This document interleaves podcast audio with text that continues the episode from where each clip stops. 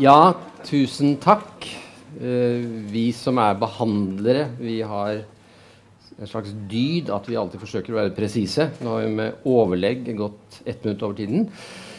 Eh, det ligger en slags respekt i det.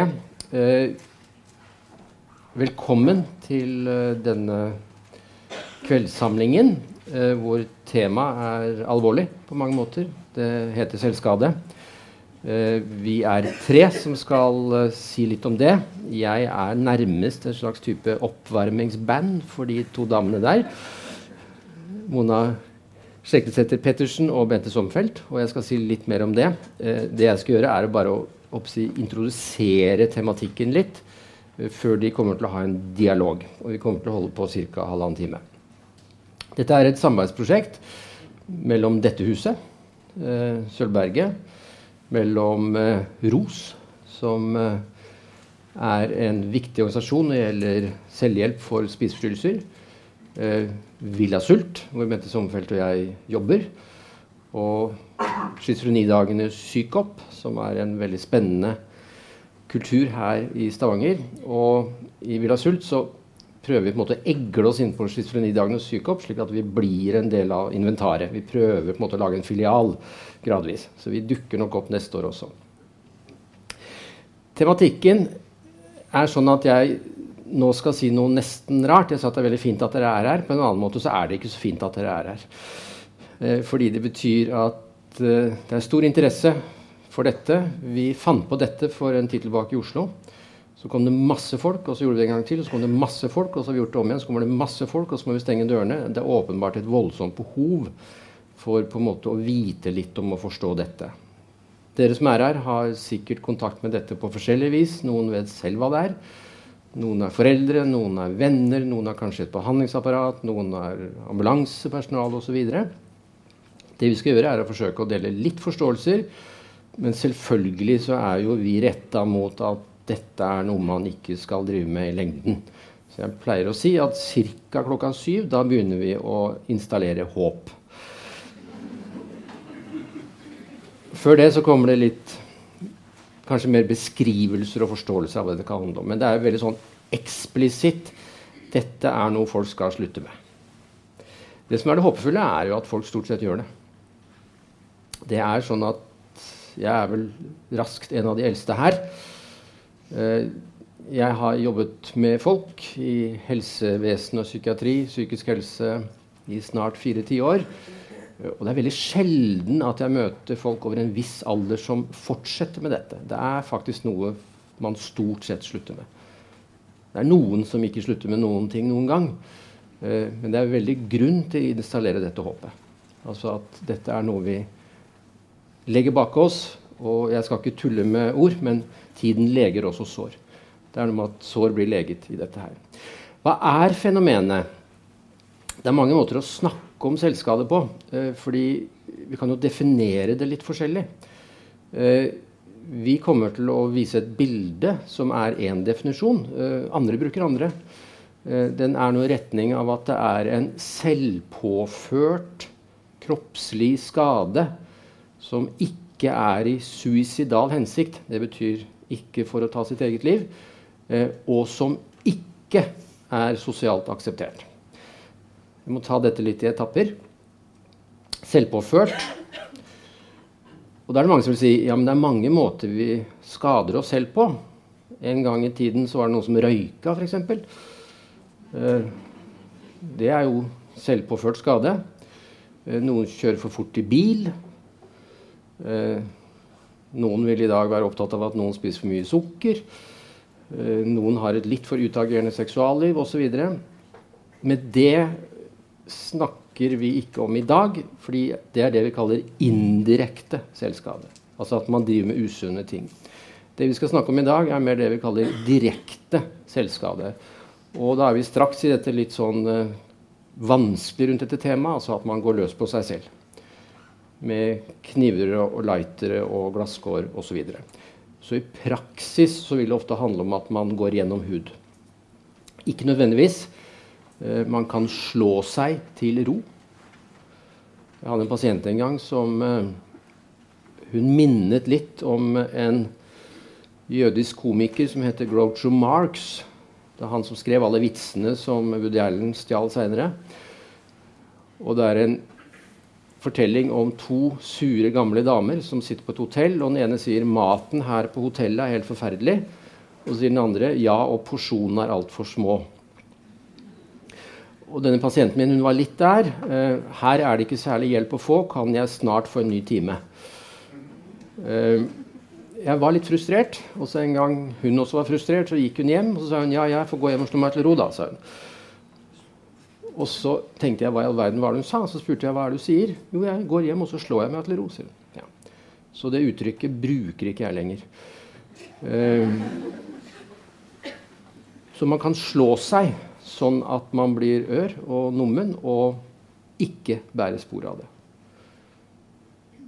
Spiseforstyrrelser er en annen form for indirekte selvskade, men vi vet også at mye av opptattheten av selvskade har også kommet fra oss som jobber med spiseforstyrrelser, for at mange driver med begge deler samtidig.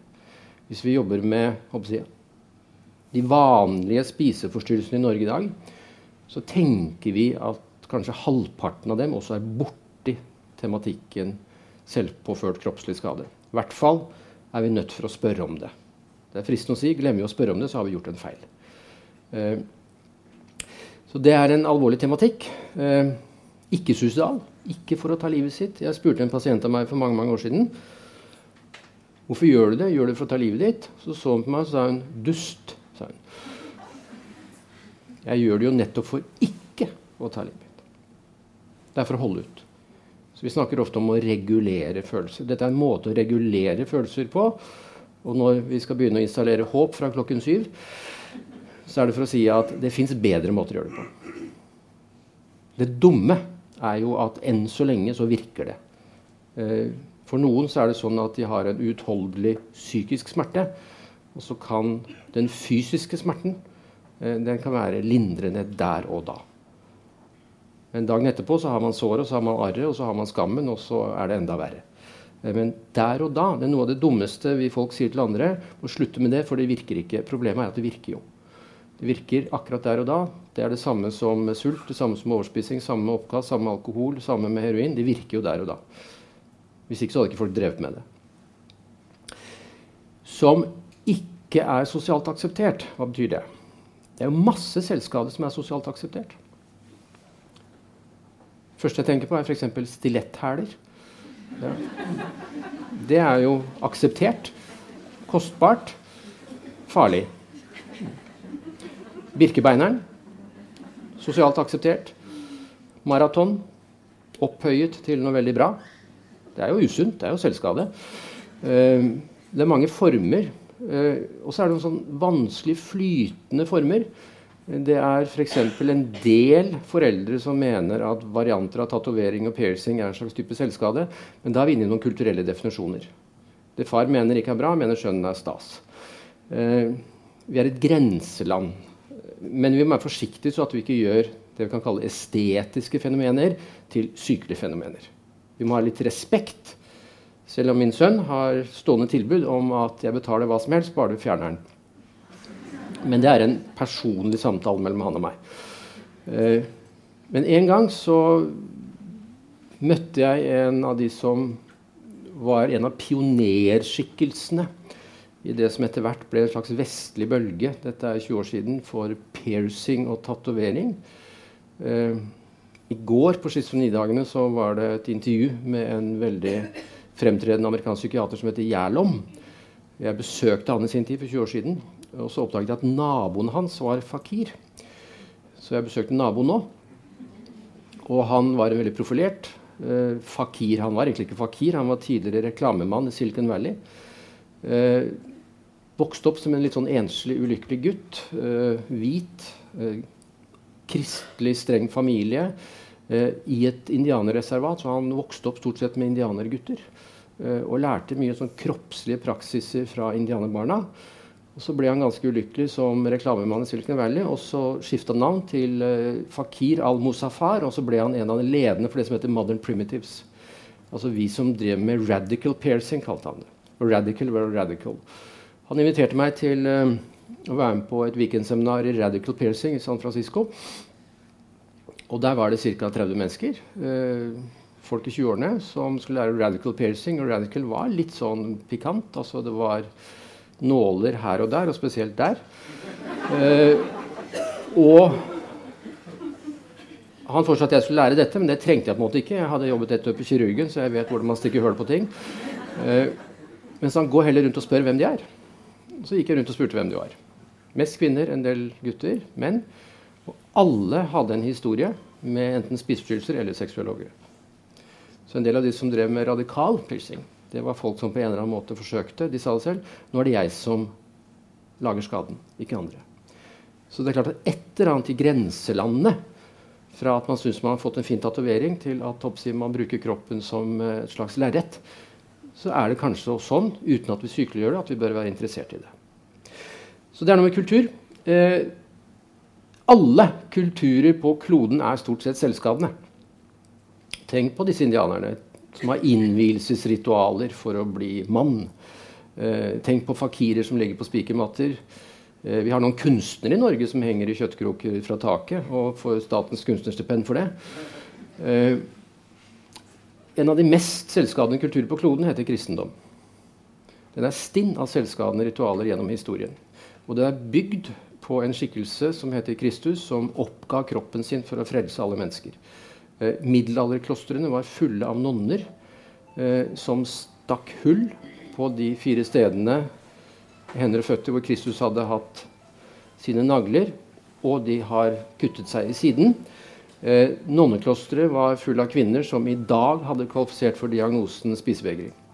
Eh, de sultet seg, de tuktet seg, de spiste lite, de drakk lite.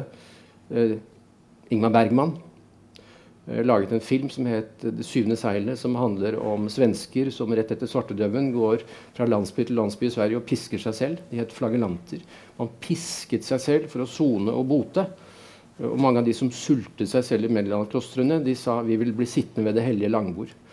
Slik at her har vi også dette i kulturen vår opp gjennom århundrene. Men det som skjer, er at vi i dag begynner å få selvskade, spesielt hos unge mennesker, som et nytt skal vi si, klinisk fenomen. Og hva betyr det? Jo, vi ser at dette er et fenomen som øker. Og jeg er evig skeptisk til journalister som skriver om ung psykisk helse, og skriver stadig økende. Jeg tror at Hvis vi legger sammen en del tall, så har ca. 200% av norsk ungdom har psykiske problemer. Eh, så jeg syns vi skal være veldig forsiktige med denne sykeliggjøring og demonisering av ungdom. Eh, poenget er at det å være ung det er ikke så enkelt. Jeg anbefaler sterkt å bli 60. Eh, det er en veldig sårbar fase, det er en klønete fase, det er en veldig emosjonell fase. Folk gjør mye rart, og det er kanskje viktig at vi ikke setter diagnoser på alt sammen. Eh, og har litt forståelse at mye er famling, mye er strategier for å håndtere ting. Eh, men akkurat fenomenet kroppslig selvskade er stadig økende. Det har økt ganske dramatisk i løpet av to tiår. Eh, det er ikke noen diagnose. Det er en beskrivelse, det er en atferd. men vi kan jo da hoppsi, reflektere litt at dette skjer. Og da trenger vi hoppsi, å ha beskrivelser og forståelser. Og det er noe av det vi skal forsøke å gjøre i dag eh, med Mona og Bente. Men på en eller annen måte så kan vi vel forstå at når noe er uklart på indre bane, så forsøker man å rydde det på ytre bane. Eh, det er veldig konkret. Det er håndfast. Eh, kropper er til å ta og føle på. Man har det vondt, og man ser at man har det vondt fordi det er et sår der. Det konkrete er veldig nærliggende hvis ting er diffust for oss. Eh, ordet 'fatte', f.eks. Fatte kommer jo egentlig av å fatte. Ordet 'begripe' kommer egentlig av å gripe. Eh, kroppen er det nærmeste vi har. Og det er også et sosialt medium. Det er et større sosialt medium enn iPhone. Fordi alle bærer kropper, selv om de ikke har batteristrøm lenger. Vi bruker den som et språk. Og kanskje er det nettopp noe av dette at dette språket har blitt så viktig. Dels selvfølgelig smitter gjennom sosiale medier.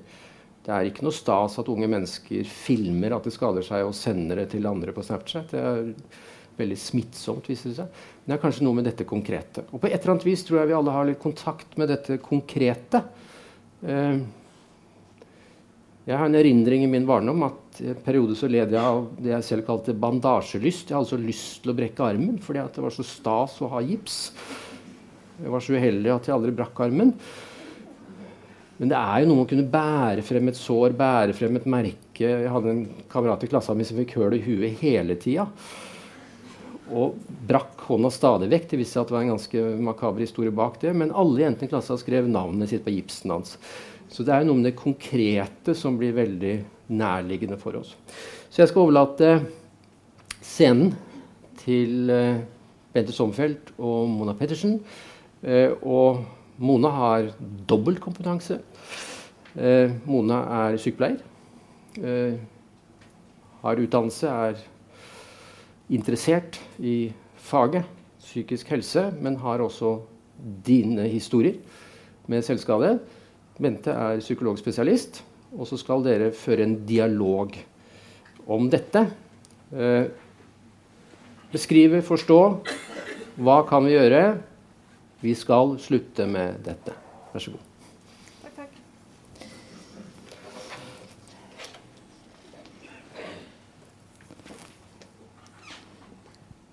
Da var oppvarmingsbandet ferdig. Ja.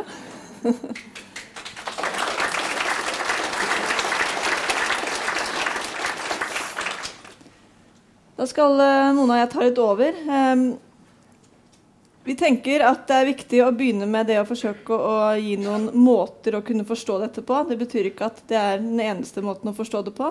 Vi skal forsøke å liksom vise flere måter å kunne forstå selvskading på. Og noe av det som er liksom, bakgrunnen til at vi har tenkt at vi lager sånne seminarer med en viss regelmessighet, er at vi ser at det er stort behov for å få økt forståelse om dette. Og det er eh, også ikke minst fordi jeg tror at selvskading gjør veldig mye med oss hjelpere og de som nære som er rundt. Det er ofte Vi syns det er et større problem enn kanskje den som selv skader seg i perioder. Uh, og det kan vekke også sterke følelser i de som er nært. Uh, og det tenker vi at det hjelper også å kunne stå i dette og kunne klare å forstå mer. Og også ikke minst utvikle kompetanser til å kunne klare å møte dette på et eller annet vis. Så derfor tenker vi skal ha dobbeltfokus på både forstå og ikke minst hvordan møte de personer som da skader seg. Skal du begynne kort, Mona, si litt om deg og din historie? Jeg tenkte jeg skulle si litt om min historie. Og det gjør jeg fordi jeg tror det er nyttig for å forstå det jeg skal snakke om etterpå, som handler om hvordan selvskadingen har vært til hjelp for meg. Uh, og så gjør jeg det med litt blandede følelser, fordi min historie handler om flere mennesker enn meg selv. Uh, og jeg vet at jeg tror ikke det er så mange her som egentlig har tenkt å snakke så mye om det jeg snakker om her utenfor, men jeg vil bare si at jeg håper at det jeg sier om min historie og andre mennesker Jeg ønsker veldig gjerne da, at det på en måte blir her i rommet. Ja. Uh, og så gjør dere hva dere vil med det, men da har jeg i hvert fall sagt det. Uh, jeg er 30 år gammel nå. Uh, jeg vokste opp i et hjem med foreldre som drakk veldig mye alkohol. Uh, og jeg var, som barn så var jeg veldig, jeg var veldig ensom. Jeg var veldig sjenert, veldig stille, hadde ikke så mange venner. Uh, og hjemme så var det veldig utrygt. Det var mye bråk og mange, ja, mange hendelser som jeg tenker at barn ikke skal oppleve. Jeg tenker også at mine foreldre de drukna sine følelser og håndterte sitt liv ved å drikke og ved å unngå. Sånn at det var også veldig lite samtale og dialog hjemme hos oss rundt altså å snakke om hvordan man har det. Barn trenger at de voksne hjelper dem til å forstå hvordan de har det, og hvordan man skal håndtere følelser. Og det var det veldig lite av hjemme hos meg. Mm. Uh, jeg tenker det er greit å ha med det, på en måte, den bakgrunnen for å forstå litt av det jeg skal snakke om etterpå. Ja. ja. Vi skal gå inn på litt mer beskrivelser. Altså Finn har jo da åpnet opp med en definisjon av selvskading, og det er den definisjonen vi forholder oss til når vi i dag snakker om selvskading. Sånn at det finnes mange andre former òg. Men litt før vi går over til liksom funksjoner og bruksmåter, så er det bare litt forlengelsen av det Finn allerede har sagt. Eh, så er jo det at når følelser blir vanskelig for oss, så er det jo tyr vi til verktøy for å forsøke å håndtere det. Det handler om å både forstå hva vi føler, men også dette med å kunne tåle å regulere det. Og når, språk er jo én måte å kunne Språk er jo sånn symbolsk verktøy, men så er det ikke alltid vi har språk for følelser. Det er da vi ofte kan ty til kroppen og det konkrete som Finn beskriver også. Eh, og det er liksom går en liten omvei om eh, Thomas tvileren eh, fra Johannesevangeliet, som ikke trodde på at Kristus hadde stått opp fra de døde. Og han sier da, eller det står skrevet men han sa til dem, dersom jeg ikke får se naglemerket i hans hender og stikke min finger i naglegapet og legge min hånd i hans side, vil jeg ikke tro. Altså, jeg tror ikke før jeg ser det. Uh, og det er litt der flere av oss fungerer av og til. Og selvskading altså er jo noe konkret. altså den, Det er lettere å forholde seg til noe fysisk konkret sår enn en indre smerte man ikke har ord for. Så her er det da Thomas Willeren som forsøker å finne ut om han faktisk har stått opp fra de døde. Dette er tiden før Botox, og dette er vel litt hygiene. Eller sagt på en annen måte Når man har vanskeligheter for å føle seg selv innenfra, så blir man kanskje tvunget til å erfare seg selv mer utenfra. Og dette skal vi også si noe mer om, altså hvordan det indre og ytre kan også henge sammen med, for noen.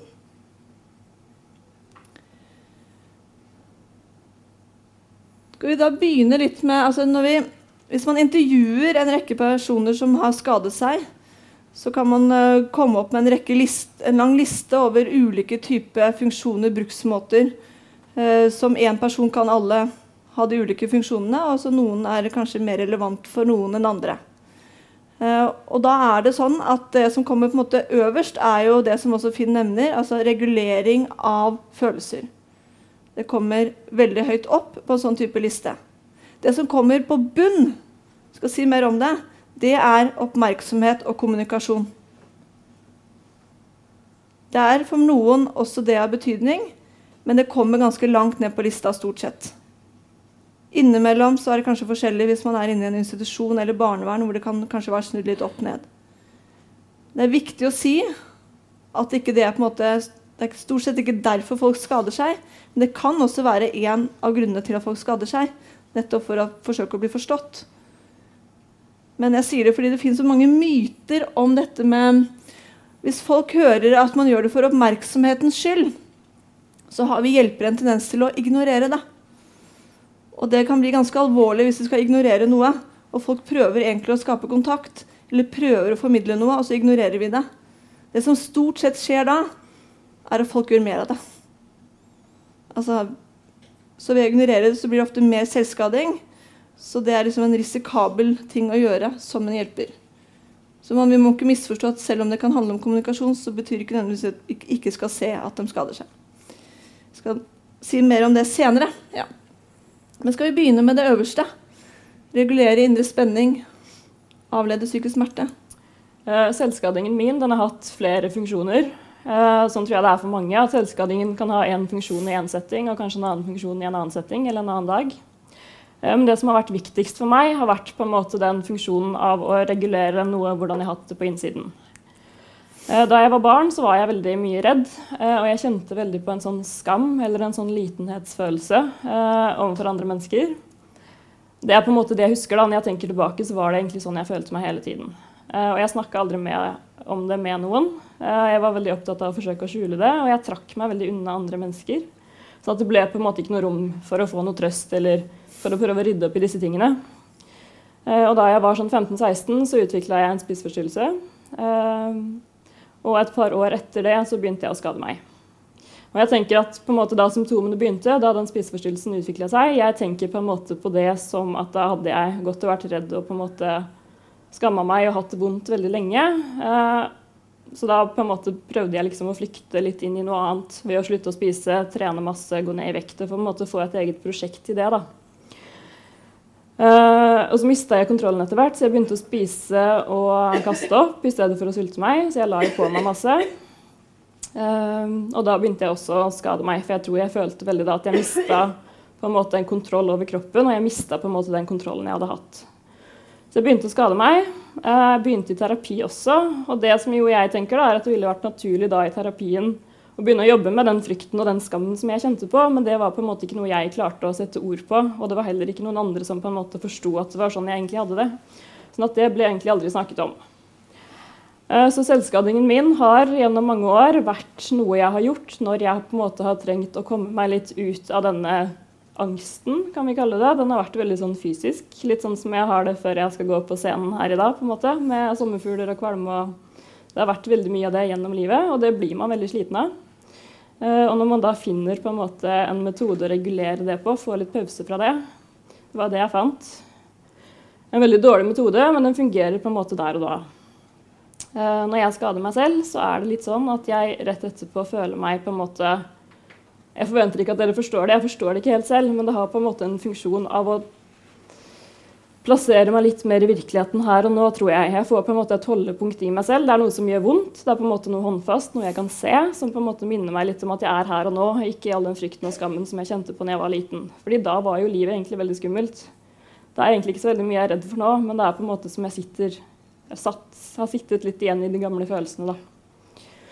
Så selvskadingene har vært på en måte en eh, ja, noe jeg har bedrevet for å få litt pause fra den skammen og frykten. Um, og det handler jo da om å på en måte avlede det inni meg som har vært vondt. altså Fjerne det. Og det kommer jo tilbake, for det er en veldig midlertidig løsning. Um, men der og da så har det fungert. Det er ofte sånn Mona, Når vi hører om dette liksom, med regulere indre spenning, avlede psykisk smerte, så kan vi av og til lage oss ideer om at liksom, det er sterke følelser i sving. Ja. Altså At det er så, så sterke følelser at du ikke kan klare å håndtere det. Mm. Men der har du liksom sagt noe som har fått meg til å tenke. altså fordi det har ikke vært så nødvendigvis så sterke følelser i sving hos deg, men du har ikke kjent så mye?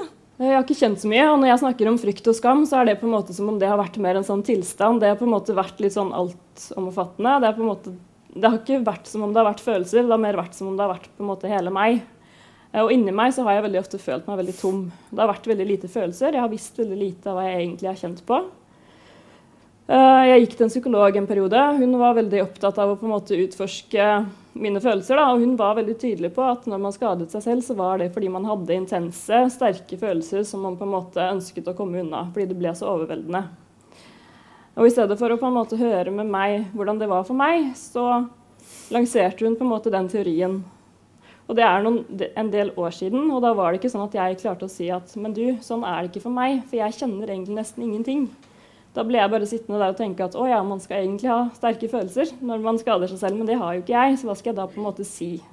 Det blir på en måte som det var noe feil. da. Jeg skadet meg på feil grunnlag. på en måte.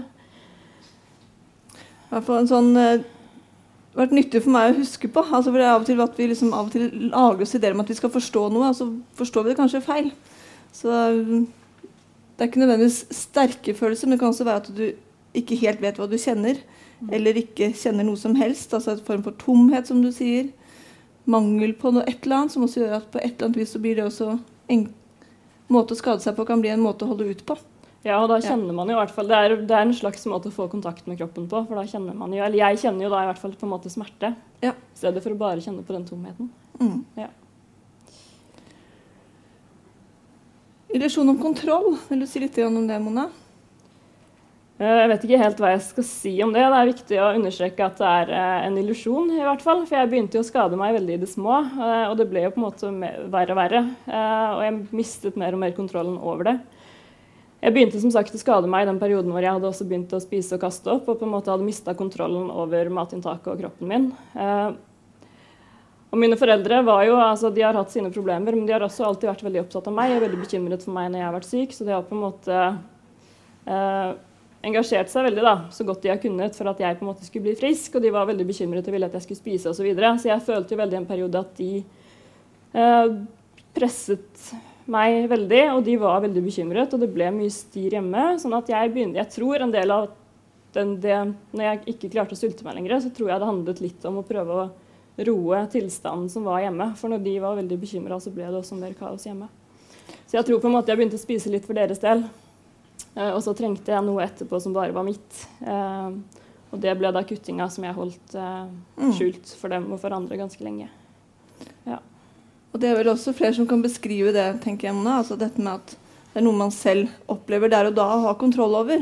Noe som er sitt, som ingen andre skal blande seg borti på et eller annet vis. Mm. Mm. Som avgrenser seg litt fra andre også. Mm. En tredje ting som ofte kommer opp hvis man intervjuer og snakker med folk som har skadet seg, så er det dette med egenomsorg. Uh, jeg har nok hatt Jeg har jo uh, store deler av, liksom, av livet, holdt jeg på å si. Det var jo hørtes ut som jeg var 70 år. Men i hvert fall mange år så har jeg fungert godt. Jeg har på en måte gått på skole, jeg har gjort mange ting. Uh, og jeg har også krevd mye av meg selv, fordi mye av selvfølelsen har vært bygget på å prestere. Så jeg har på en måte vært nødt til å prestere. I de periodene etter at jeg har skada meg selv, på en måte de dagene etterpå, da, så hender det at jeg har klart å tenke at OK, Mona, nå har du det faktisk ikke så greit, så akkurat nå er det på en måte greit å slappe av litt eller å ikke få til alt. Uh, så det er på en måte som jeg har trengt en slags ja, en unnskyldning, da. Uh, for å klare å senke skuldrene litt. Så det har fungert som en form for egenomsorg på den måten. Mm. Uh, og så sa jeg også noe om at jeg trakk meg veldig unna mennesker da jeg var liten. Så det var ikke så mye omsorg jeg fikk da. jeg klarte på en måte ikke å ta imot det.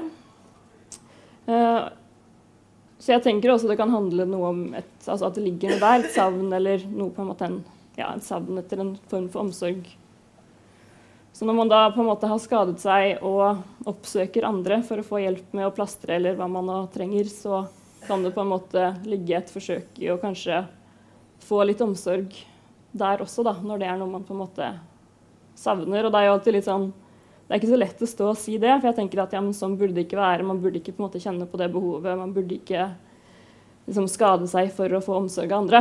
Eh, men jeg tror ja, man burde helst finne andre måter. Man ja. burde absolutt det. Men så kan man jo også tenke at når man ikke har andre måter å gjøre det på, da, mm. og virkelig kjenner veldig på det savnet, eh, så går det kanskje an å tenke at det er tross alt bedre å klare å gjøre det på den måten en periode enn å ikke klare å gjøre det Absolutt. i det hele tatt. Mm.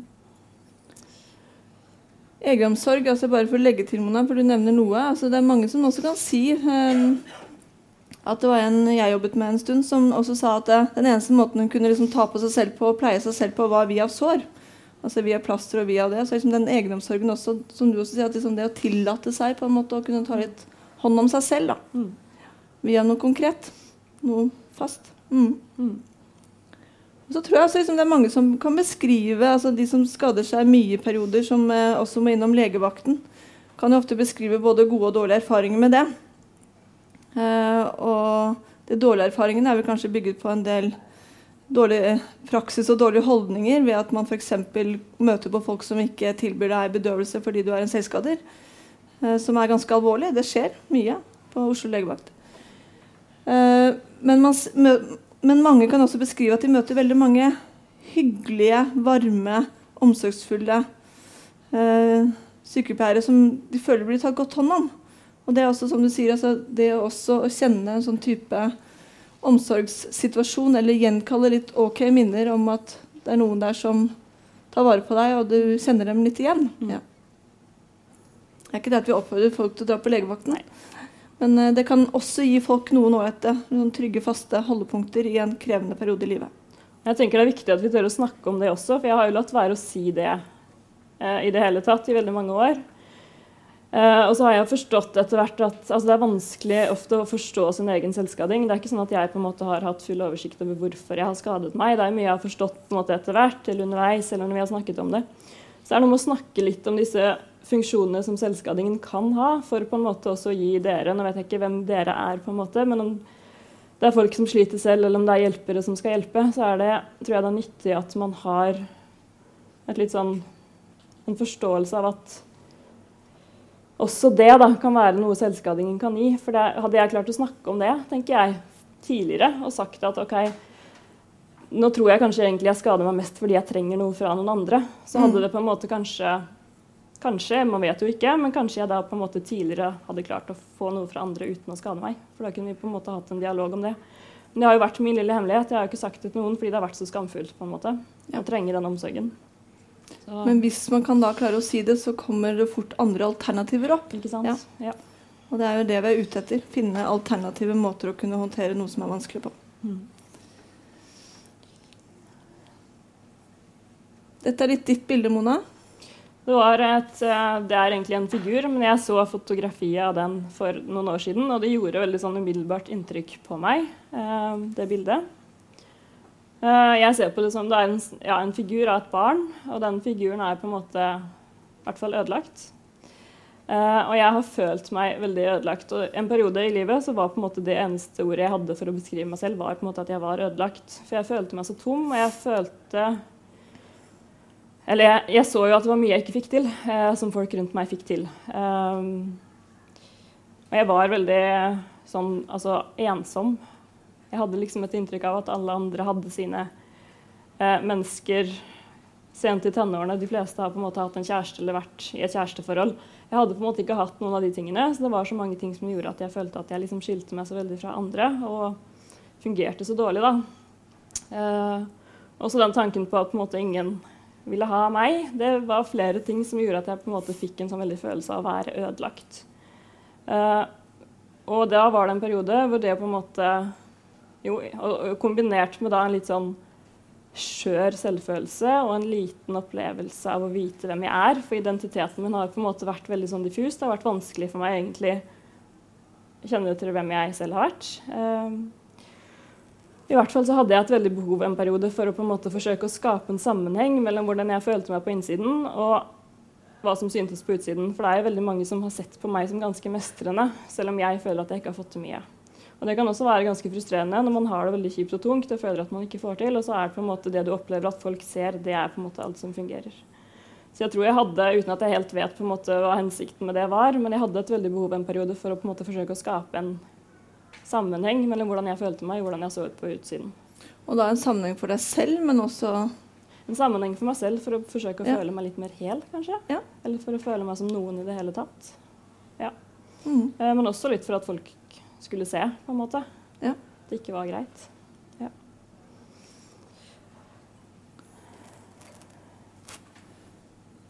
Det fins mange bruksmåter, sa vi, og det fins også um, folk som skade, kan skade seg fordi i form av uh, en måte å håndtere uh, overgrep på, f.eks. Uh, både i form av fysiske og seksuelle overgrep. da kan man jo oppleve at uh, kroppen man har, man ikke klarer å forholde seg til den og at den oppleves som skitten, og at man på et eller annet vis må kvitte seg med man, eh, den kroppen man har. At man ikke klarer å forholde seg til den. Det er også en form for en eh, Kan være en grunn til at man får en sterk trang til å skade seg. Og der er det litt av den skambelagte, altså litt mer sånn skambasert syndrom. altså Man gjør det fordi man er, kjenner på skam, og så kjenner man ofte på mer skam også etter man har skadet seg, når arrene kommer. Så blir det man forsøker å løse det, skammen, skamfølelsen, ved å kutte seg og fjerne, fjerne, den, og så blir det bare mer av det. Det er onde sirkler. Kan man også da, Noen kan beskrive at Og dette er jo litt illusjon om kontroll. altså At man også tar på seg mye av eh, altså At man selv påfører seg skade fordi da har man selv kontroll over det man skader seg, hvordan man skader seg. En tredje variant eh, som en der etter overgrep kan streve med, er at man selv på, påtar seg et ansvar for det man har vært utsatt for, og tenker at man skal straffes og ikke fortjener noe. Ikke fortjener å ha det godt, f.eks. Mange kan jo oppleve som hjelpere hvis vi jobber med personer som har en sterk forakt, selvforakt og tenker at de ikke fortjener å ha det bra, så kan man tenke at hvis man plutselig har hatt en bra ettermiddag da, sammen med noen, og så tenker vi at du verden så hyggelig å ha hatt det nå, og så kan da den personen en time etterpå tenke at det fortjener jeg ikke, derfor må jeg skade meg. Vi syns ofte det er rart at folk skader seg etter man har hatt det ok, men det kan også ligne, altså, ligge tett opp til selvforakt og skam. Og ikke fortjene, ikke kunne unne seg. Det er litt i denne gata her. Noen som er der. Og så er det en annet element som eh, vi kaller dissosiasjon. Det er jo et begrep som betyr å spalte av. Da kan det ha to virkninger. Det ene er jo at noen personer som strever litt med å holde, være koblet på, som fort kan føle seg litt frakoblet hvis man blir veldig overveldet f.eks. Så kan man av og til bruke selvskading som en form til å bli koblet på igjen. Fordi da blir det fort at du, liksom, du får noe konkret å kjenne. Du kjenner fysisk smerte. Eller så kan det være noen som skader seg for å bli frakoblet. For å ikke kjenne. Og en og samme person kan gjøre begge deler. Og der det ofte kan bli litt forvirrende.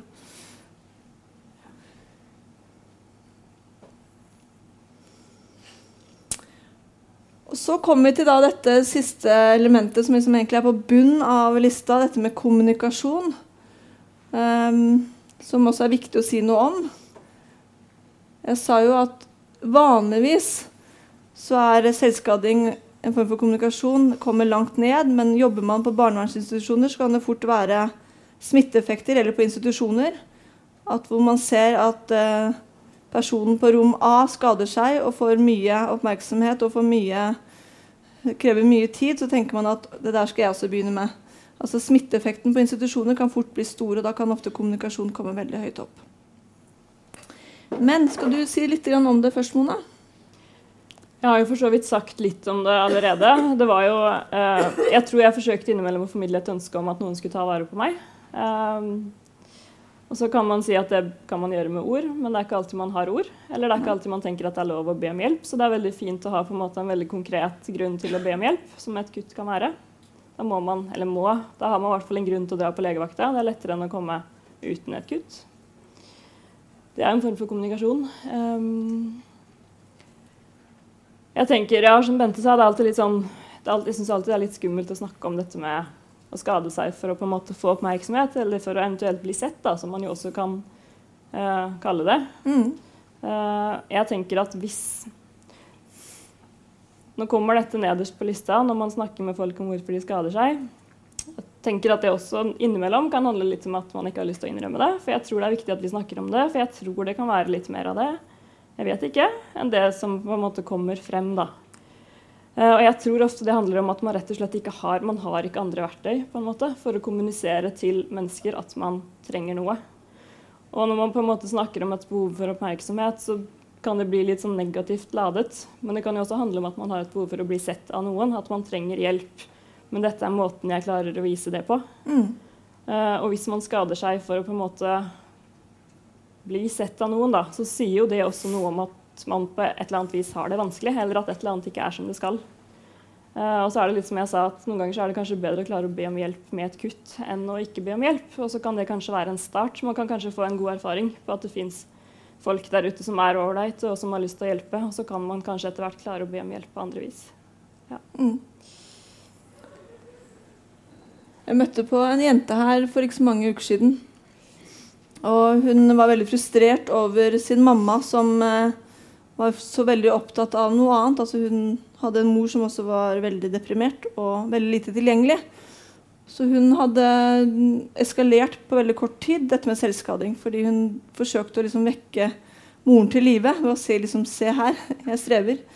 Men så fikk hun på en måte aldri så mye respons. Men så hun uh, gjorde ganske mye for å forsøke å få mamma til å se at hun faktisk skadet seg om dagen. Som skulle egentlig bare være tegn på å si 'jeg har det ikke noe bra om dagen', jeg lider. Uh, så hun drev liksom og la blodige tøy ved vaskemaskinen. Sånn, helt sånn, altså, litt sånn lokkemidler rundt i huset. Men frustrasjonen var jo nettopp fordi hun fikk ikke respons. Mm. Men så viser det seg når man liksom prater med mor og denne jenta sammen, at mor har sett det, men hun trodde hun ikke skulle vise noe reaksjon på dette. Så det er som du sier, altså, det er ok bare liksom å løfte opp dette med at folk ber stort sett om hjelp. Folk vil stort sett ha hjelp.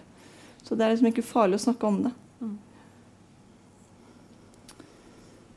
Så er det jo innimellom sånn straffe omgivelsene. Altså det er litt sånn i den sjangeren hvor vi snakker om overgrep og har vært utsatt for en del ting. Altså dette med å straffe andre ved å straffe seg selv er en måte å gjøre det på. Eller provosere. Og dette er det ofte mer i institusjonsverdener, tenker jeg, da, enn det er i en mer verden utenfor. Mm. Um, men jeg tror liksom disse to tingene, ønsket om omsorg, ønsket å bli sett, og det å få andre til å reagere ofte kan komme ganske høyt opp. Spesielt blant unge, tenker jeg også. Hvor språk ikke er helt der. Mm. Språk om følelser.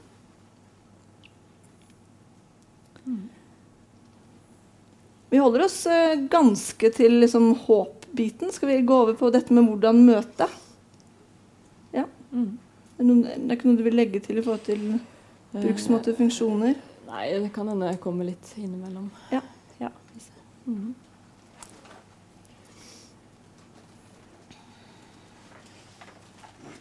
Vi er jo på en måte for, som dere da kanskje har skjønt, at uh, hvis personer vi møter på strever i en eller annen form for selvskading, så er det viktig å snakke om det.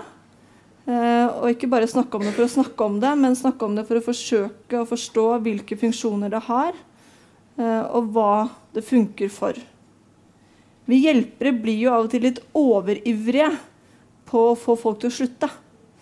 Og det er fint, det. Eh, fordi stort sett så vil også folk slutte med dette. Men vi er av og til liksom to hestehoder foran folk. Uh, og det er vanskelig å få folk til å slutte med noe hvis de ikke har noe alternativt å håndtere f.eks. noe vanskelig på. Og det sammen å utforske hensikten, logikken bak, og det da å kunne liksom forstå det, er en forutsetning for å skulle kunne slutte med det. Hvis ikke så blir det litt sånn som med spiseforstyrrelser ofte. at liksom man tenker at man skal ta vekk noe, og da kan folk fort stå der og tenke at man ikke har noe igjen.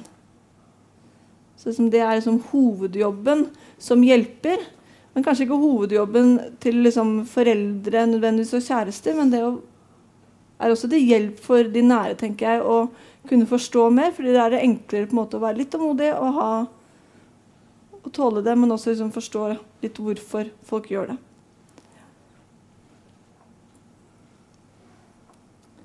Kan jeg legge til noe der? Ja, gjør det. Mona. Ja. Nei, jeg bare tenkte på Når vi snakker om uh, å forstå Jeg har jo en del venner som er, er altså Jeg har mange sykepleiervenner og litt sånn helsepersonellvenner og bekjente. Uh, og så hadde vi, jeg har jo fortsatt, Innimellom så har jeg lett for å tenke at nå kan alle alt om selvskading. Så det er ikke så veldig mye vits i at vi snakker om det mer, fordi alle har skjønt på en måte hva det handler om. sånne grove trekk. og så får man jo høre historier fremdeles om folk som blir møtt dårlig på en legevakt, eller som opplever at ingen helt forstår når de prøver å forklare. Og så snakka vi litt om det, jeg og noen venner. Og så har jeg en psykologkompis. Han jobber med noe helt sånn ikke relatert til dette. Men da spurte jeg han litt om hva han eventuelt tenkte om selvskading. og da sa han at han har på en måte fått med seg at det er noe folk gjør for å regulere følelser. Det sa han. Det var liksom, litt sånn overskriften på det han hadde fått med seg. Men så sa han også sånn Men kan ikke folk bare gjøre det på annet vis? Kan de ikke bare finne en annen måte å gjøre det på? Og det fikk meg til å tenke at det er liksom lett å snakke om at man gjør det fordi man skal regulere følelser, men det er kanskje det vi glemmer å understreke noen ganger, er at man faktisk ikke har lært å regulere følelser på en annen måte. Og da kan det også kanskje være lett for hjelpere å tenke at ja, jeg skjønner at det er det du gjør, men kan du ikke bare gjøre det på en annen måte? En litt mer konstruktiv måte. Uh, og det gikk et lite lys opp for meg da, på en måte, når han sa at men går det ikke an å bare gjøre det på en annen måte? Så det kan hende vi må snakke mer om at det faktisk ofte ligger liksom veldig ja, gode grunner. da. Det er ikke alltid man har noen alternativer. på en måte. Det er liksom det man kan eller har lært seg. Ja. Ja. Jeg tenker jo liksom, Når du snakker om det, at det handler vel ikke bare om å regulere følelser. Altså for det, Vi snakker om liksom, kanskje at vi har mangel på språk. Ja. Uh, så Det ene handler om på en måte å kunne klare å skille, liksom, sette ord på hva jeg har inni meg.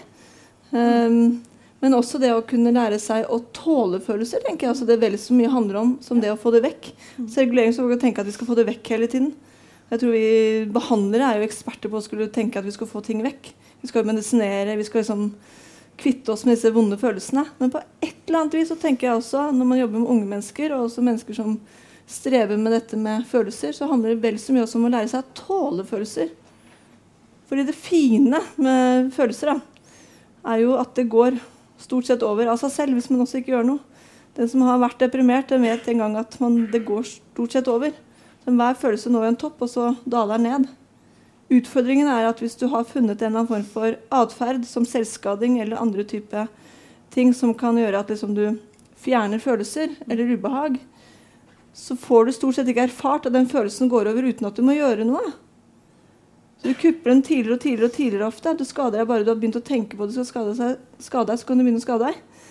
Eh, så den erfaringen også med å tenke at ja, nå er jeg veldig lei meg, eller nå er jeg veldig trist, eller nå er jeg veldig sint, uten at du må agere på den, tenker jeg også er en del av jobben. da. Mm, absolutt. Og jeg sa veldig mange år at jeg har ikke tenkt å skade meg før jeg slutter å skade meg før jeg har det bedre. For jeg tenkte på en måte at først når jeg får det bedre, så kan jeg slutte å skade meg.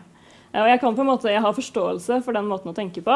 For det var jo, som jeg sa i stad, når jeg skada meg, at jeg tross alt fikk det litt bedre. Så problemet mitt var jo hvordan jeg hadde det, og ikke at jeg skada meg. Eh, men problemet med den måten å gjøre det på, er at man ikke som Bente sier, får erfaringer på at det er mulig å klare seg uten. Ne. Så man trenger jo faktisk å jobbe med og øve på å i hvert fall klare å utsette, da. For det er litt det det handler om i starten. Tenke at ok, nå har jeg kjempelyst til å skade meg, men jeg skal klare meg på en måte kanskje i ti minutter til, og så se hvordan jeg føler meg da. Eh, mm. Bare for å få noen erfaringer på at det er mulig å holde ut uten å ty til eh, selvskading. Mm. For jeg har i hvert fall hørt mange utsagn, da, Mona. og det kan jo, altså, Hvis jeg spør liksom sånn Men hva var det da som gjorde at du skadet deg i går kveld, f.eks.? Jeg bare måtte. Det er ofte et utsagn man kan si. Mm. Så jeg bare må. En sånn veldig sterk trang til at jeg bare må. Mm. Og da er det på en måte kanskje viktig å tenke sånn Ja, den følelsen kan hende det er der, men det fins jo også andre måter å kunne gjøre ting på. Mm. mm. Så det sier utsette. Mm. Ja. Jeg tror ofte det er lurt å starte med å ha det som mål, i hvert fall. Og ja. utsette litt. Sånn at det ikke blir så stort.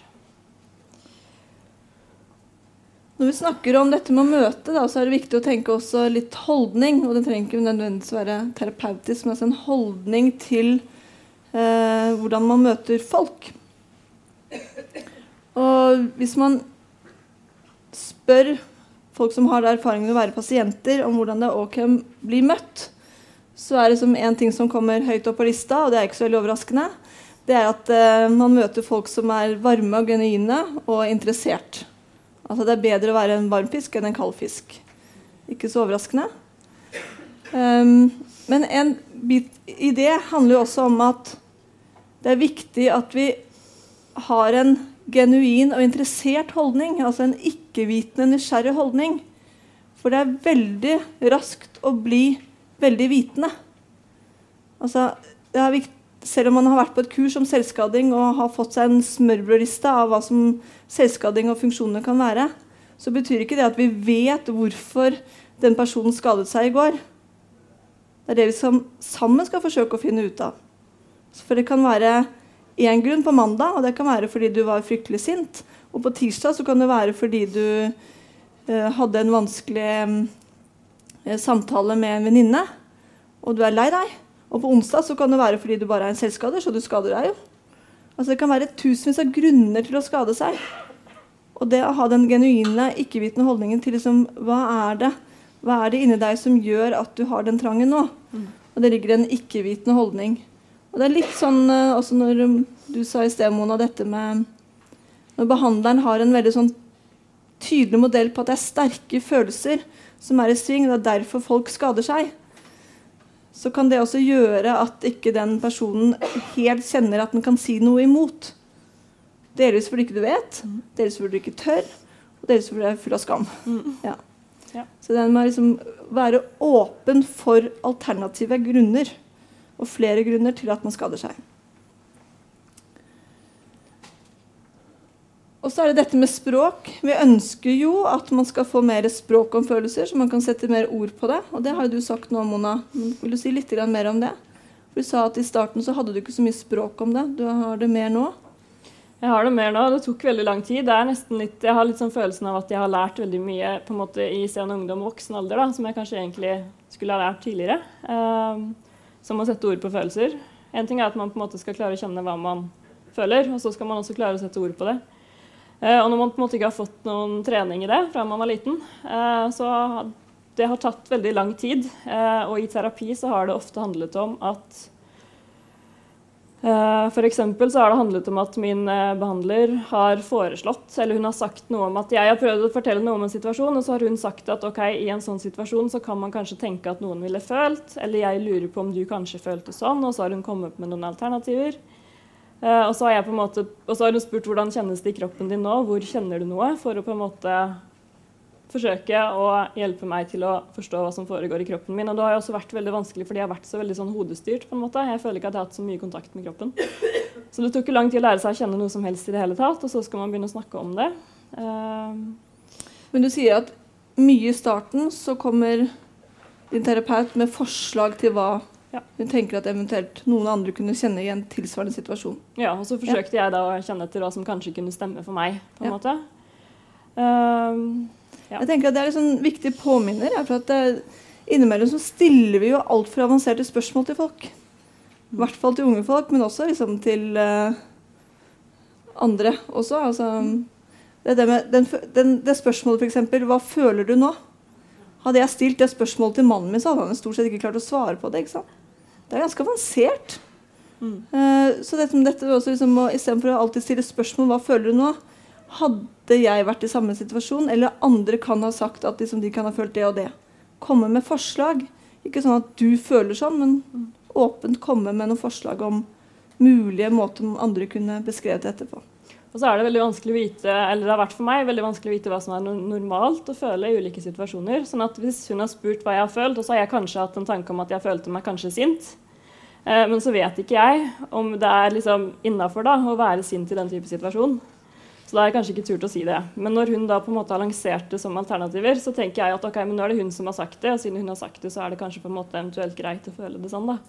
Eh, at det blir litt lettere å på en måte si at ja, sånn tror jeg det er, enn å på en måte skulle innrømme det selv.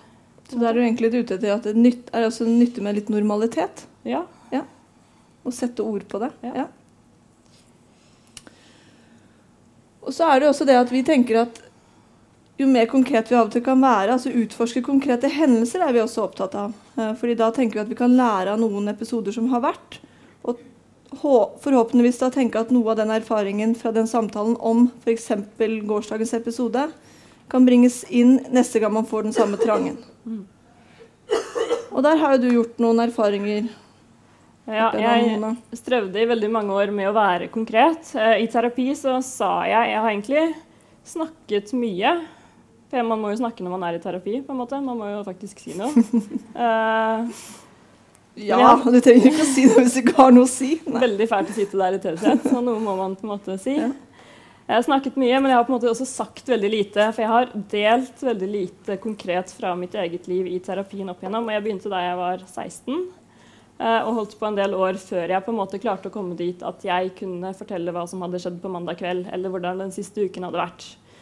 Eh, veldig mange år i terapi så var det mye sånn altså, Hun spurte hva jeg hadde gjort, og jeg sa ja, jeg gjorde liksom, var sikkert, jeg var sammen med noen venner. ikke sant? Og så Det ble på en måte helt sånn på overflaten hele tiden. Jeg ville på en måte ikke dele fra livet mitt. Og jeg tror det handlet om at jeg skammet meg mye over hvordan livet mitt var, og hvor mye på en måte alene jeg var, og hvor mye som ikke på en måte var sånn jeg tenkte det burde være da, i andre sine øyne. Så det var vanskelig å dele av den uh, årsaken.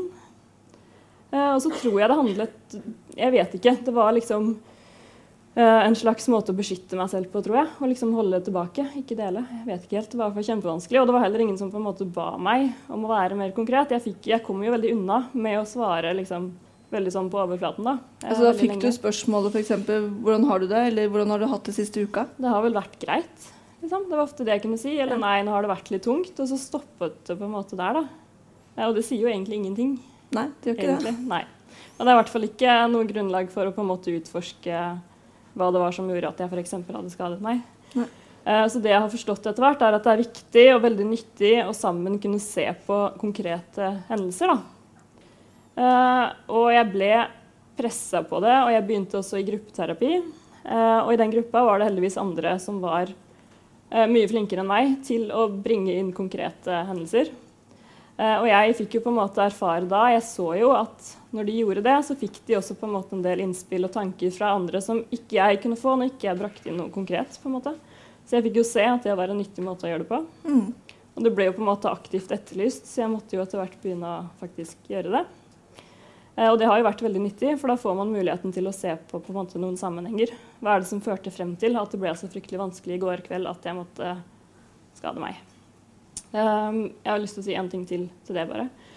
Og veldig ofte så har det vært hendelser. Jeg tror at jeg i mange år tenkte at ja, det skjer ikke noe i livet mitt. Og det er på en måte ikke noe, det er ingenting som har gjort at det ble vanskelig. Liksom. Jeg visste ikke da. Jeg klarte ikke å kanskje se at en eller annen ubetydelig kommentar to dager før faktisk hadde gått mer inn på meg enn det jeg trodde. Det, kan, ikke sant? For jeg, det var liksom bare en liten ting, og man skal ikke reagere på det. og sånn. Eh, men så har jeg også vært litt frustrert noen ganger, og kanskje særlig på legevakten når folk spør hva er det som har skjedd i kveld, hvorfor skader du deg? Og så vet på en måte jeg at det har faktisk ikke skjedd noe i kveld, men det er litt som jeg sa i stad. Noen ganger så holder jeg bare ikke ut og føler meg så redd og så skamfull som jeg har gjort. Så da har jeg på en måte skadet meg for å komme litt unna det. Og jeg tenker også det er viktig å huske på at man skal snakke om det konkrete, men det er kanskje ikke alltid det faktisk er en hendelse, da. Men det er jo alltid en årsak. Det er alltid en grunn til at man er redd på å skade seg. Men det trenger ikke nødvendigvis å være at det har skjedd noe. For hvis folk hele tiden etterspør hva som har skjedd, så kan man jo føle at Nei, det har ikke skjedd noe, og da kan jeg heller ikke si noe om det jeg vet av årsaken, som egentlig bare er at jeg har skammet meg veldig, som jeg også pleier å gjøre, på en måte. Så det var jo ikke noe nytt. Var det forståelig? Ja, så da, altså Det du sier da, om at det trenger ikke nødvendigvis være en konkret hendelse, men det Nei. du da trenger litt hjelp til, er å sette følelsene mer på plass. Ja. Altså liksom Få litt mer forståelse av de følelsene du har hatt Ja. i forkant av en sterk trang, f.eks. ja. Ja. Hvis jeg da sier 'vet ikke' eller 'det var ingenting', så er jo ikke det på en måte sant. Noe er det jo alltid. Ja. Men det er ikke nødvendigvis en hendelse eller noe nytt, da. Men da et forsøk på at du en annen er litt sånn genuin nysgjerrig på hva det eventuelt kan ha vært av følelser som Mm. denne gangen gjorde at det ble en sterk trang. Og en litt sånn tydelighet. Noen ganger så er vi Der er vi sikkert forskjellige, men jeg har i hvert fall trengt at folk har presset meg litt. på en måte. Sagt at ja, men det er noe som ligger bak. For jeg kan jo ha sagt at nei, men det er ingenting, og så har jeg på en måte kommet litt unna med det. Og der må man jo selvfølgelig vurdere situasjonen litt. Eh, men etter mange år om, i samme terapi osv. Så, videre, så tror jeg man kan ha litt godt av å liksom bli pusha litt. da. Ja. Så hvis man ikke misforstår ordet pushe og presse, da, Ja. men det å liksom eh, jobbe litt aktivt med å utforske, Mm. prøve å finne ut av, og ikke alltid gi seg på det ordet greit eller det var ingenting. Mm. Nei. Men det er ikke alltid man finner ut av det der og da, men at liksom man opprettholder en sånn type genuin nysgjerrighet. Mm. Og det er ikke alltid så enkelt, fordi um, vi blir jo av og til litt smittet, vi òg, når vi sitter i samtale med veldig sånn konkrete svar. F.eks.: Det er greit, det går fint, ingenting. Og så er det av og til litt sånn vanskelig å vite hvordan man skal gå videre. Så vi gir oss kanskje litt for fort, da, som du sier. Eh, Men et annet element med dette med å kunne samtale om noe konkret, er også å vise at vi på en eller annen måte tåler og noe av det som jeg tror eh, vi må være flinkere på å vise som hjelpere, og i hvert fall i psykiatri, er å vise at vi i hvert fall tåler følelser. Så liksom, Det er ikke nødvendigvis at vi skal kvitte oss med ting med en gang, men liksom det å liksom tenke, være aktivt genuint interessert i hvilke typer følelser som har blitt satt i gang, og kunne tenke at det er til å tåle. Mm. F.eks. som du sa i sted, altså det var mye skam. Og det er ikke det første man kommer til terapeuten sin og snakker om. Det er stort sett ikke det du snakker om. Men det å liksom kunne liksom hjelpe til med å sette ord på vanskelige følelser, Mm. eller følelser, er også en måte å vise at dette tåler vi. Mm. Og det er jo mange som tenker at hvis man forteller om noe som er vanskelig, f.eks., så er man jo engstelig for at man skal smitte den andre. At den andre skal også få det vanskelig. Ja, kanskje særlig en sånn følelse som skam, på en måte. Ja. Eh, og så er man jo redd for å ikke bli tålt, på en måte. At Ja. man skal bli avvist, rett og slett. Eh, og så, som jeg sa, man vet på en måte ikke hva som er normalt å ha av følelser heller. Altså, når er det for mye, når er det for lite, og i hvilken situasjon er det riktig å ha den? Altså, det er mange ting som man har liten oversikt over. Mm. Uh, og så er det uh, veldig godt når man har brukt uh, mange år på å Når man ikke har kjent så mye selv, og så har man i tillegg brukt mange år på å beskytte de rundt deg fra hvordan du har det. på en måte. For jeg tenkte jo at mine foreldre ikke tålte noen ting.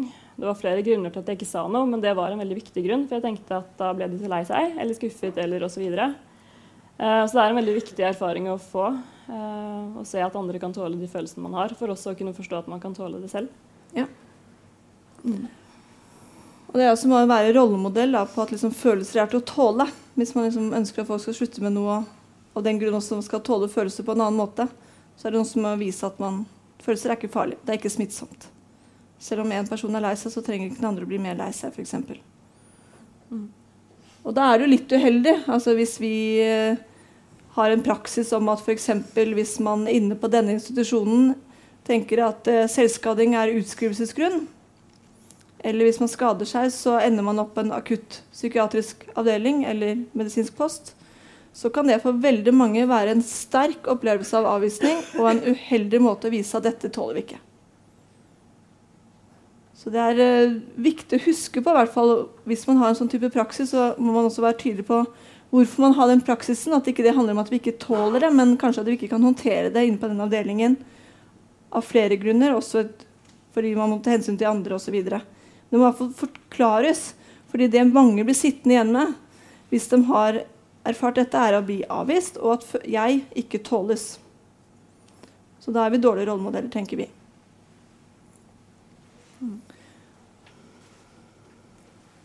Men selvskading er jo av og til litt vanskelig å romme.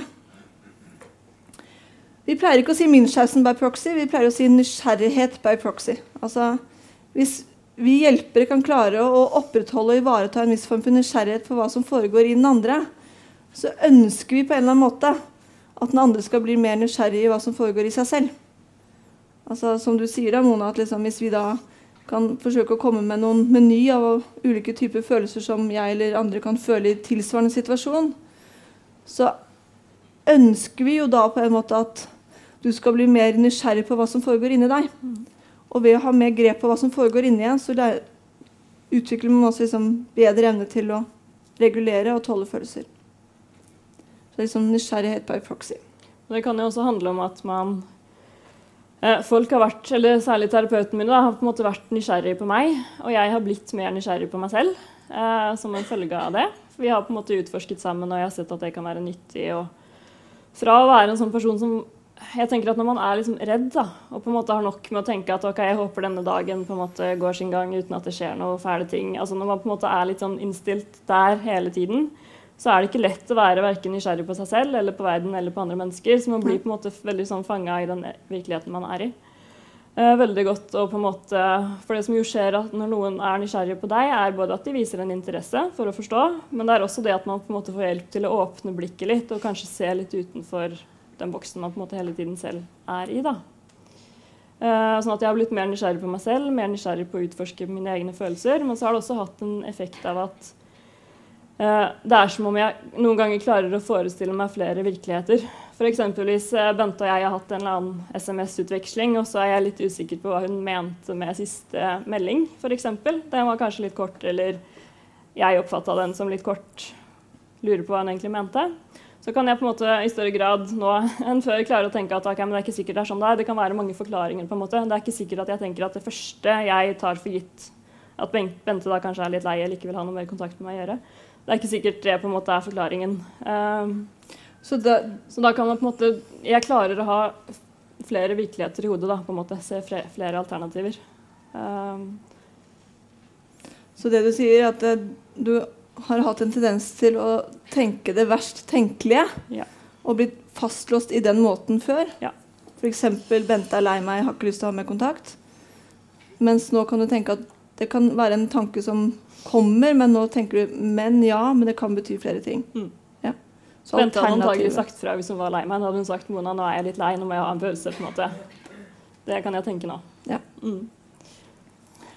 Og det er jo noe av det som vi ønsker oss å få til, er jo nettopp dette med å kunne ha alternative perspektiver. Og ikke tenke at det er én måte å håndtere det på, eller én måte å forstå ting på. Mm. At det kan være flere måter å forstå ting på. Da utvider vi også liksom denne tåleevnen vår. Mm. Da blir vi ikke så fanget i én virkelighet. Det er det vi ofte blir når vi får trang til å skade oss, f.eks. Mm. Du sa jo noe om dette med å bli nysgjerrig på seg selv, Mona. Og så har du liksom sagt litt kort om din øh, oppvekst, altså hvordan du har vokst opp. Mm. Og jeg tenker at Det er et ganske viktig element når vi nå snakker om holdning og nå snakker om nysgjerrighet. Um, fordi det er jo ikke sånn at, uh, som Freud en gang sa, at vi utvikler oss innenfra og ut. Vi utvikler oss utenfra og inn. Det betyr at liksom, vi utvikler oss vi av andre. Og det er noe med at liksom, Dette har jo liksom røtter tilbake til utviklingspsykologi og tidlige oppvekstvilkår, men det er noe vi liksom støtt og stadig gjør. Altså vi, vi, har en del følelser, og når vi er bitte, bitte små, så håper vi at det er liksom noen som tar dem imot, evner å ha oss, eller ha dette lille barnet i sitt sinn, og gi noe av disse følelsene fordøyd tilbake. Det er sånn et lite barn utvikler seg og gradvis får en opplevelse av å være seg selv, et individ.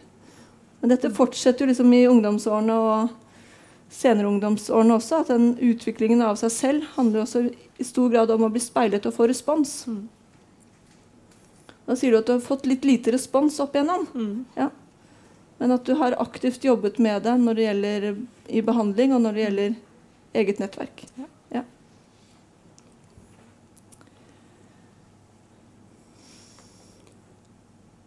Vi pleier også å ha en sånn liten slide på som heter 'til sin tid'. Altså, det betyr ikke når vi sier 'utforsk' og 'forsøk å finne ut av, så betyr ikke at det alltid er like god timing å gjøre det.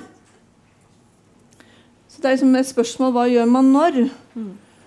Uh, og vi pleier vel å si sånn at uh, her smir vi ikke mens jernet er varmt. Det gjør smeder, men vi smir, mens, vi smir mens jernet er lunkent. Det vil si at vi snakker gjerne om konkrete hendelser, ikke akkurat når det har skjedd, men gjerne dagen etter.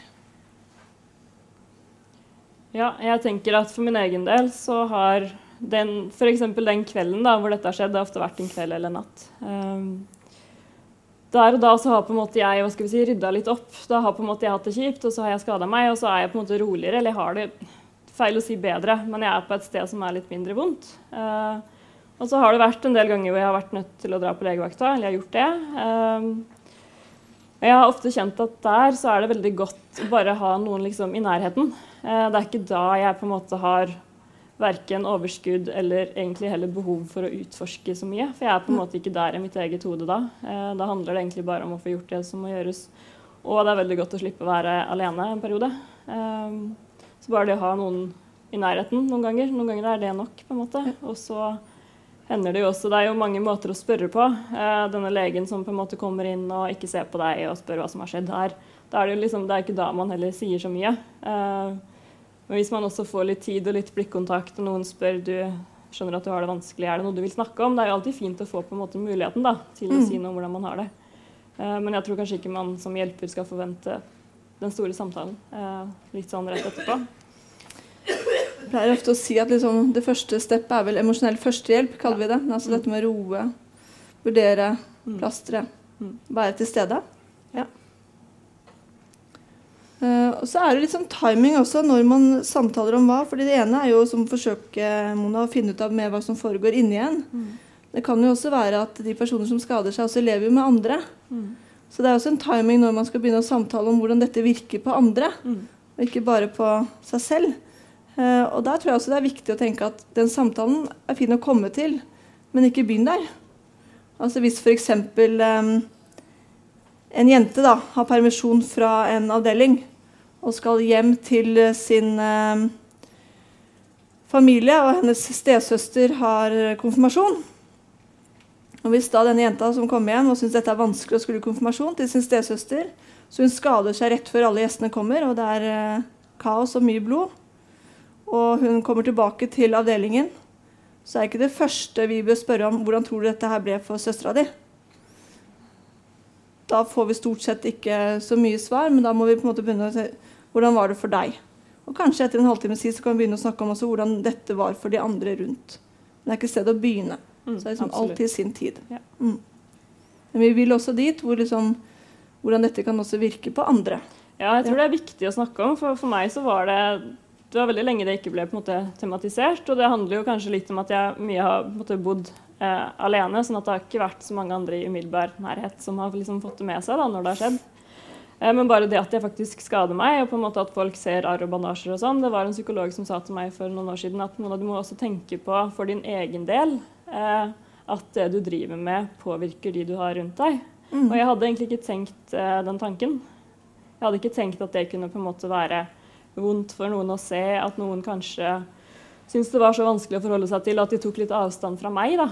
At det på en måte kunne bygge litt opp under den ensomheten og avvisningen. Eh, og det var vanskelig å snakke om, for da følte jeg, eller jeg følte der og da at hun la litt sånn skylden på meg for at jeg var så alene og at folk på en måte ikke ville ha noe med meg å gjøre. Men så måtte vi snakke om det, og jeg ser jo, jeg er veldig glad for at hun på en måte sa noe om det, for jeg hadde ikke sett det selv. Eh, og det har, etter det da, så har det spilt litt større rolle i vurderingene mine noen ganger når jeg har på en måte tenkt på å kutte meg eller ikke. Liksom. At det er noen som bryr seg, da, for det er litt det det handler om, kanskje. Ja. At noen ikke vil at jeg skal skade meg. på en måte. Det kan også hjelpe å tenke på den andre. Ja. ja. Som jeg sa i sted, jobben vår er jo liksom å komme dit hvor vi kan snakke om krigen i fredstid, pleier vi å si. Altså, vi ønsker å kunne snakke om dette konkrete. Nettopp fordi vi ønsker å finne alternative måter til å kunne håndtere noe av det som da blir vanskelig på. Så Det er ofte jobben vår. Og I forhold til det så er det jo konkrete verktøy vi ofte kan bruke. altså Alt fra iPhone til kriseplaner til uh, lydfiler til andre alternative ting man kan gjøre. Mm. Men det er jo veldig viktig da, at ikke det blir hjelperens prosjekt. Og at vi kommer opp med geniale ideer om hva du kan gjøre. Mm. Uh, som ofte kan liksom bare føre til sånn Det virker ikke heller. ikke sant? Bente har sagt at det kan virke å sette på en musikk, og så gjør jeg det, så virker det ikke. Altså, det må ikke være mine ideer, men det må et forsøk på liksom, forsøke å få den andre til å komme selv med ideer om hva man kan gjøre, som kan avlede. Slik at man kan klare å utsette. Vi har jo snakka litt om kriseplaner vi oss imellom innimellom. Og jeg har sagt at det er uh, noe jeg liksom har et sånn komplisert forhold til. For jeg har ofte sagt nei takk til kriseplaner når jeg har blitt tilbudt det. Og det handler ikke om at jeg ikke tenker at det egentlig er en god idé. Uh, men for meg så har det på en måte vært vanskelig å bruke den fordi når jeg stort sett hele tiden har gått og følt meg liksom, som jeg sa, redd eller litt sånn mindreverdig, da, liten, hvis vi skal bruke det ordet, så er det ikke sånn at det plutselig skjer en krise, og så får jeg lyst til å skade meg. Jeg har egentlig hatt litt det behovet for å skade meg litt sånn hele tiden. sånn at en kriseplan har da vært veldig vanskelig å ta i bruk, fordi det er jo egentlig ingen krise som skjer. Det er på en måte bare at nå holder jeg ikke ut mer, på en måte. Og da har jeg på en måte allerede bestemt meg for å komme meg ut av det på den eneste måten jeg har kunnet. Men for meg så var det nyttig når det på en måte ble lansert litt som en mestringsplan i stedet. Eh, for da la vi mer vekt på ting jeg vanligvis gjør, eller som jeg vet kan være på en måte godt for meg, som jeg skal få mer av inn i livet. da, For å på en måte forsøke å unngå at det blir litt ekstra vanskelig. Så det kan jo også handle litt om hva man på en måte kaller det, for det har litt den samme funksjonen. Men uh, det er ikke alltid det kan føles veldig rart å ha en kriseplan hvis du på en måte aldri opplever at det er en krise. fordi ja. når skal du da bruke den? på en måte? Det er liksom bare kjipt hele tiden. ja Det kan være handlingsplan, mestringsplan, kriseplan. altså det er bare sånn for å si noe om hvorfor det kan være vanskelig å ta imot. Ja. da. For det er ikke det at man ikke kanskje vil ha noe verktøy, men det bare det føles ikke som om det kan funke. på en måte.